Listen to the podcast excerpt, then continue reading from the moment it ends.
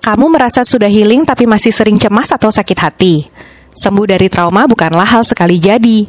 Seperti ujian kenaikan kelas, kita akan terus mengulang pelajaran dengan dipertemukan dengan ketakutan kita, sampai kita berhasil melampauinya.